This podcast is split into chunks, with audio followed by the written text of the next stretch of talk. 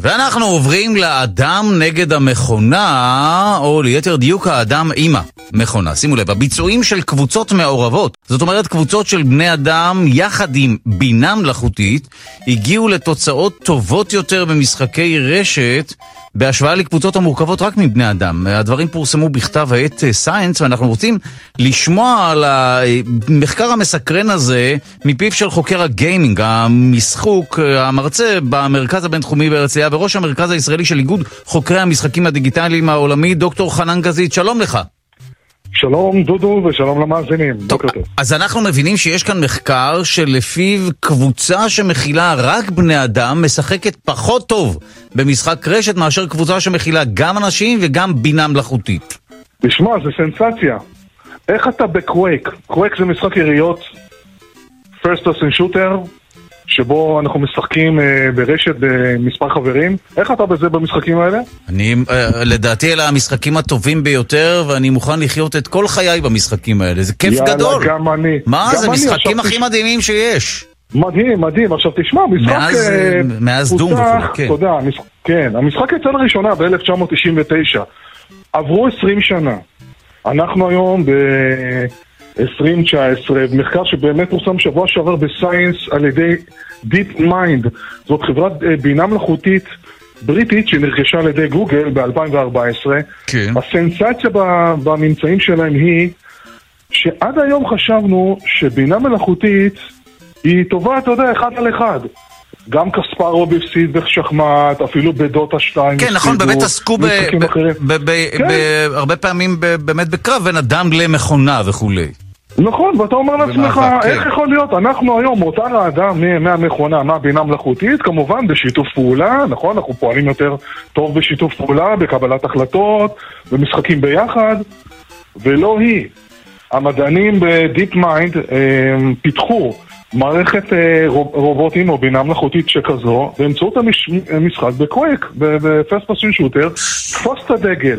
כמו שאנחנו משחקים בילדות או בצופים או בכל תנועת נוער אחרת, תפוס את הדגל, המשחק העקרונות שלו מאוד פשוטים. אתה צריך להתגנב לבסיס של האויב, מבלי שתתגלה, לתפוס את הדגל, לרוץ חזרה אל הבסיס שלך ולשמור עליו, כאשר היריב רוצה לעשות אותו דבר.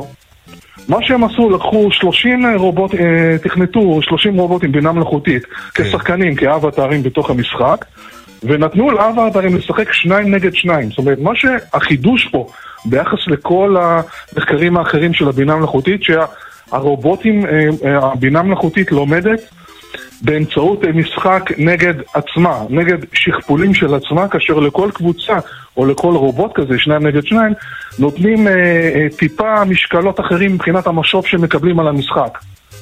תראה, אני יכול להתגנב ויראו אותי, אז אני נפסל. אבל אני יכול להתגנב וש... ושלא יראו אותי, ואז אני מקבל יותר ניקוד. כמובן, אם אני שומר על הדגל ותופס אותו. עשו כאלה מערכות, ונתנו, תקשיב, זה פשוט לא יאומן, נתנו לשחקנים האלה לשחק 450 אלף פעם בתקופה קצרה, כי זה אה, סשנים של חמש דקות, זה כמו באטל רויאל כזה. כן. 450 אלף פעם, דודו, גם אני ואתה, תאמין לי, אם אנחנו נשחק כל יום, זה ארבע שנות ניסיון של גמר מקצועני. במהלך, אתה יודע, תקופה יחסית קצרה, כי אתה יכול להריץ את זה כמה שאתה רוצה, כמה פעמים, הרבה יותר מהר.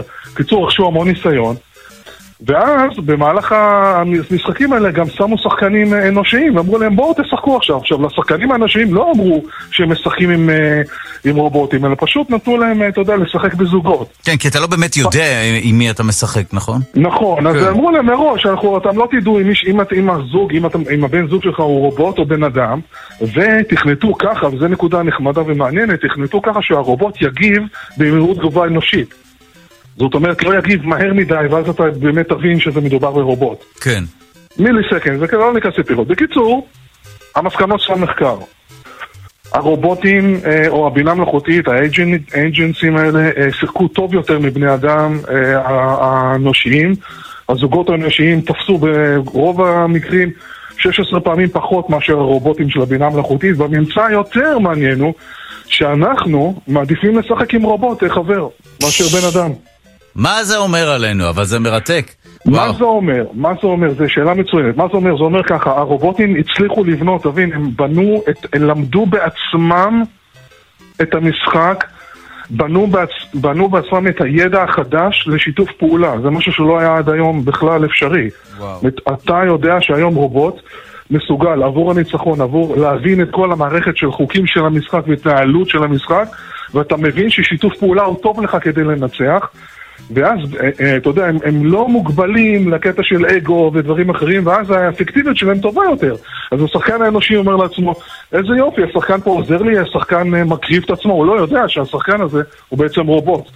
והתוצאה המצערת סלאש או המשמחת, איך שתיקח אותה, היא שאנחנו מגיעים לרמה של בינה מלאכותית מאוד גבוהה, מסוגלת ללמוד לבד, מסוגלת לשתף פעולה טוב יותר מאשר בני אדם. וואו, אה, מטלטל. אנחנו מודים לך על הדברים האלה, דוקטור חנן גזית, חוקר הגיימינג, מומחה למשחוק מרצה במרכז הבינתחומי בהרצליה וראש המרכז הישראלי של איגוד חוקרי משחקים דיגיטליים העולמי. תודה לך. יום טוב, גיימון.